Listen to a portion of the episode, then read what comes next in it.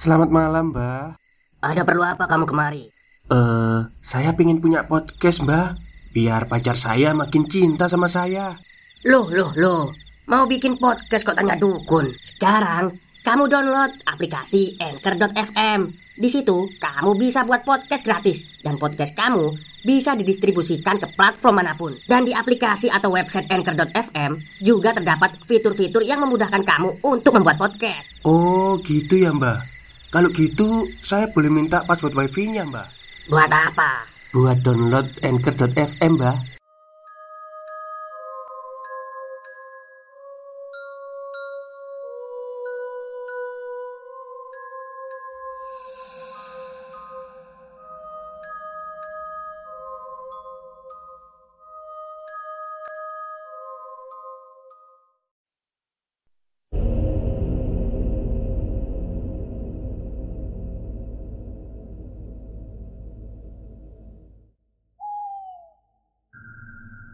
Assalamualaikum warahmatullahi wabarakatuh. Halo semuanya, jumpa lagi dengan saya Chow Sing Sing Kurator dari podcast Horror Night Story. Halo apa kabar semuanya, semoga kalian semua sehat-sehat ya. Dan seperti biasanya pada siang hari ini saya kembali dan akan menceritakan sebuah kisah mistis untuk kalian semua Kisah mistis kali ini saya datangkan dari tweet twitternya Mas Freddy Aspir Yang menceritakan tentang kursi yang ada di rumah kosong. Seperti apa kisahnya? Mari kita simak. Bismillahirrahmanirrahim. 2014 Di dekat rumahku ada sebuah rumah tua Dulunya rumah itu adalah milik salah satu orang kaya. Ada dua rumah yang digandeng menjadi menjadi satu bagian. Yang di depan dijadikan toko sembako dan yang sebelah dijadikan rumah. Tapi sejak 10 tahun yang lalu, rumah itu dibiarkan kosong. Tidak ada penerangan jika malam dan tidak ada yang merawat di siang hari. Tumbuhan liar dibiarkan menjalari pagar rumah. Sebagian tembok sudah mengusam dan terkelupas karena waktu. Pohon alpukat sudah membesar, seolah menutupi bayangan seluruh bagian rumah. Perabotan di dalam rumah sebagian besar sudah hilang ada yang mungkin diambil orang atau dibawa pemiliknya sebelum pindah rumah. Yang tersisa tinggal sebuah kursi kayu yang dibiarkan menghadap sudut tembok. Memang tak terlihat dari luar, tapi jika diintip dari jendela akan tampak. Aku Sebut saja namaku Agung. Tinggal tak jauh dari rumah tua itu. Sebenarnya Aku agak menghindari dekat-dekat dengan rumah itu. Karena Kata beberapa orang Ada penunggu yang kerap menampakkan diri. Bahkan di siang hari.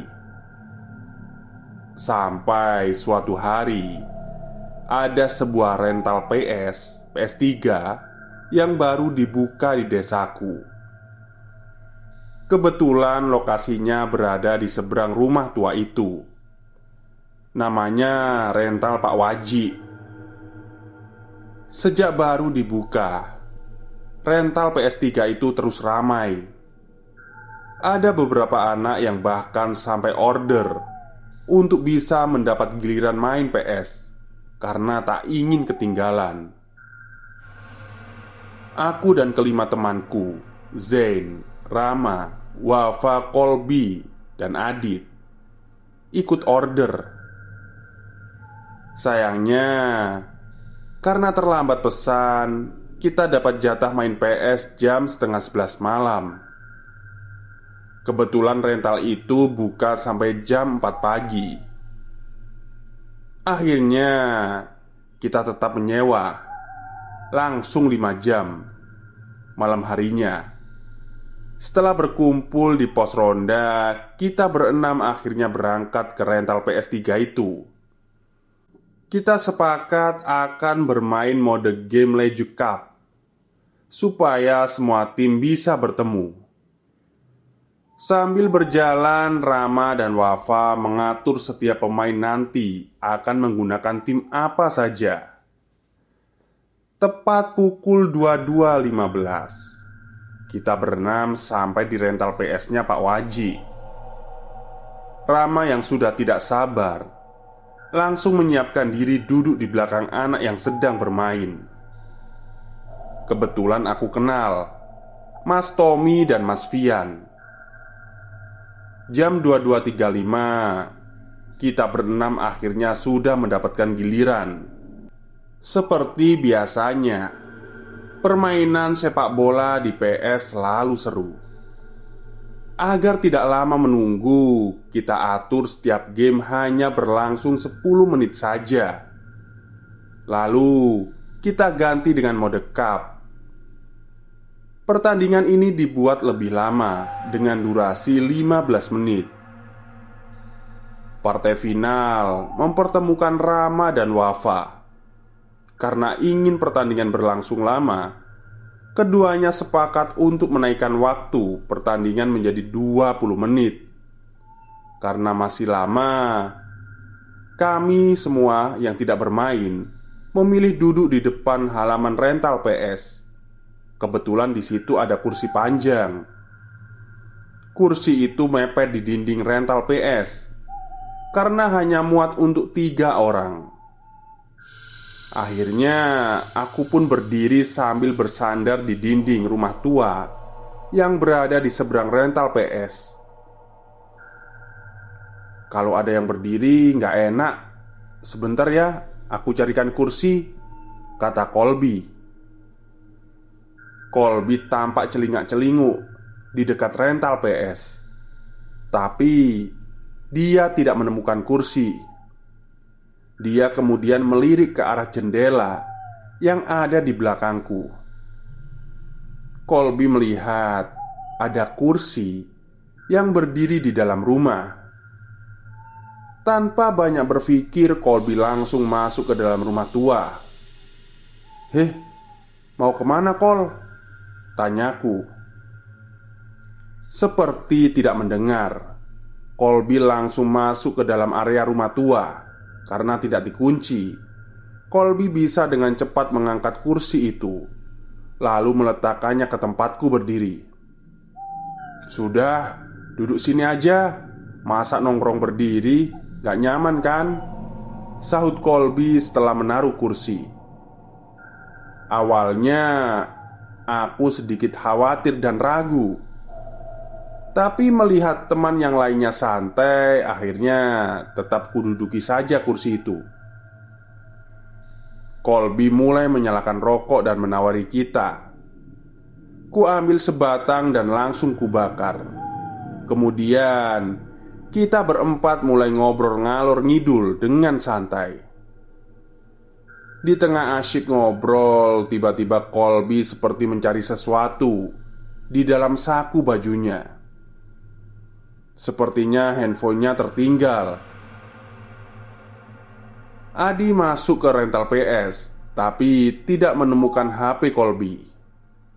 Rama dan Wafa masih asyik melanjutkan partai final pertandingan. Gak ada di dalam, katanya.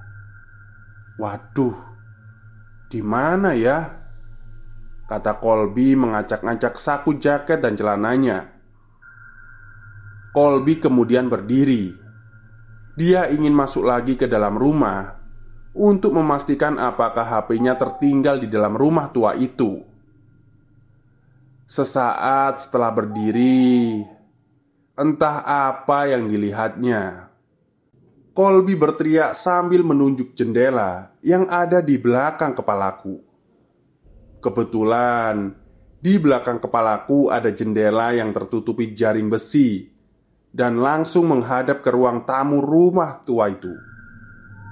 Colby langsung berlari. diikuti oleh Adi dan Zen yang ikut berlari.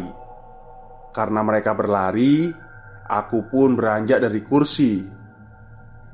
Tiba-tiba saja aku merasakan ada tangan dengan kuku tajam yang seolah keluar dari jendela dan membekap mulutku. Tanpa menoleh ke belakang, aku langsung berlari menjauh mengejar teman-teman yang sudah jauh. Kita berempat kemudian berhenti di pos ronda. Kebetulan ada dua orang tua Diana di sana. Stop, stop. Kita break sebentar. Jadi gimana? Kalian pengen punya podcast seperti saya? Jangan pakai dukun, pakai anchor. Download sekarang juga. Gratis.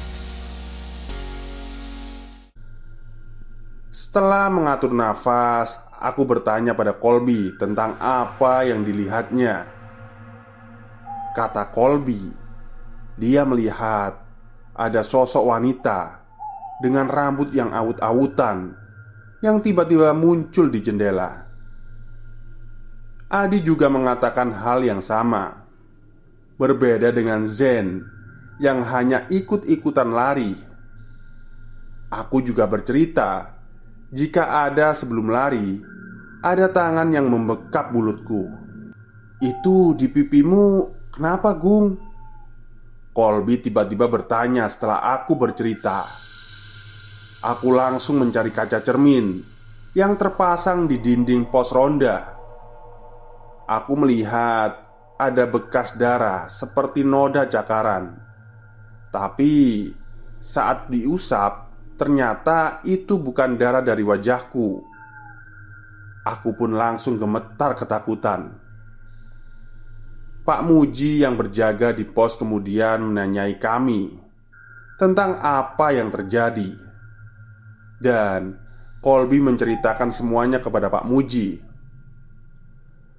Oh lele, itu kursi ada yang punya kalau ada kursi di dalam rumah kosong, jangan diambil, apalagi menghadap ke tembok. Kata Pak Muji memarahi kami. Aku dan teman-teman hanya bisa menunduk. Pak Muji sempat menyuruh kami untuk mengembalikan lagi kursi itu ke dalam rumah. Tapi tidak ada dari kami yang berani kembali ke sana. Tak lama, Wafa dan Rama menyusul kami. Mereka sempat marah-marah karena ditinggal begitu saja. Colby lagi-lagi bercerita kepada mereka berdua. Akhirnya, sesuai kesepakatan, kita berempat akan mengembalikan kursi di pagi hari. Wafa dan Zen tidak bisa ikut menemani karena rumah mereka ada di dusun sebelah. Dan agak jauh sih. Esoknya Colby sudah membangunkanku. Malam itu aku menginap di rumahnya. Di luar rumah, Rama dan Adi sudah siap ternyata. Karena jam 7 mereka harus membantu orang tuanya menyadap karet Kita berempat kemudian berangkat ke rumah tua itu Anehnya, kursi yang harusnya berada di pinggir dinding ternyata sudah tidak ada. Colby mencoba mengintip dari balik jendela. Ternyata kursi itu sudah berada di posisinya awal, seperti seolah kursinya tidak pernah beranjak dari tempat itu, dan tak jauh dari kursi. Colby melihat HP yang dicarinya semalaman. "Ayo, teman-teman, temani aku masuk." Akhirnya, kita berempat masuk ke dalam rumah tua itu. Meski sudah ada cahaya matahari, tapi entah kenapa seolah bagian dalam rumah itu tak tertembus cahaya. Colby dengan cepat langsung mengambil HP-nya yang tergeletak di dekat kursi. Sesaat setelah tangannya menggapai HP, kami berempat mendengar suara langkah kaki dari lantai atas. Aku dan ketiga teman sebenarnya sudah sangat ketakutan Tapi kita juga penasaran Siapa kira-kira yang pagi-pagi sudah ada di rumah ini? Suara langkah semakin dekat. Kita berempat lalu melirik ke arah anak tangga.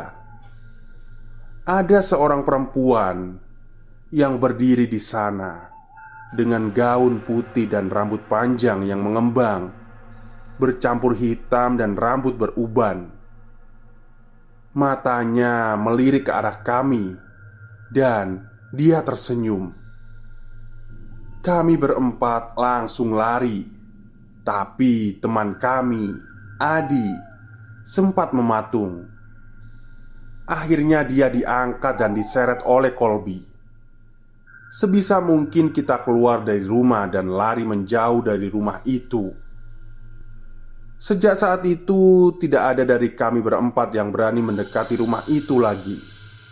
Pernah, suatu waktu teman kami berusaha mengambil layang-layang yang tersangkut di pohon alpukat, dan wanita itu muncul kembali. Teman kami nyaris jatuh dari pohon karena kaget. Untung saja ada Rama yang kebetulan juga ikut mengejar layangan itu selesai. Baik, itulah kisah singkat dari Mas Freddy ya Yang menceritakan tentang kursi yang ada di sebuah rumah kosong.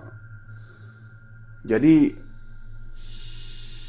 Memang sebenarnya itu nggak boleh sih. Karena pernah ya ada cerita itu Yang menemukan boneka Terus nemu kayak barang-barang buku atau apa di rumah tua gitu yang ya terkesan angker lah.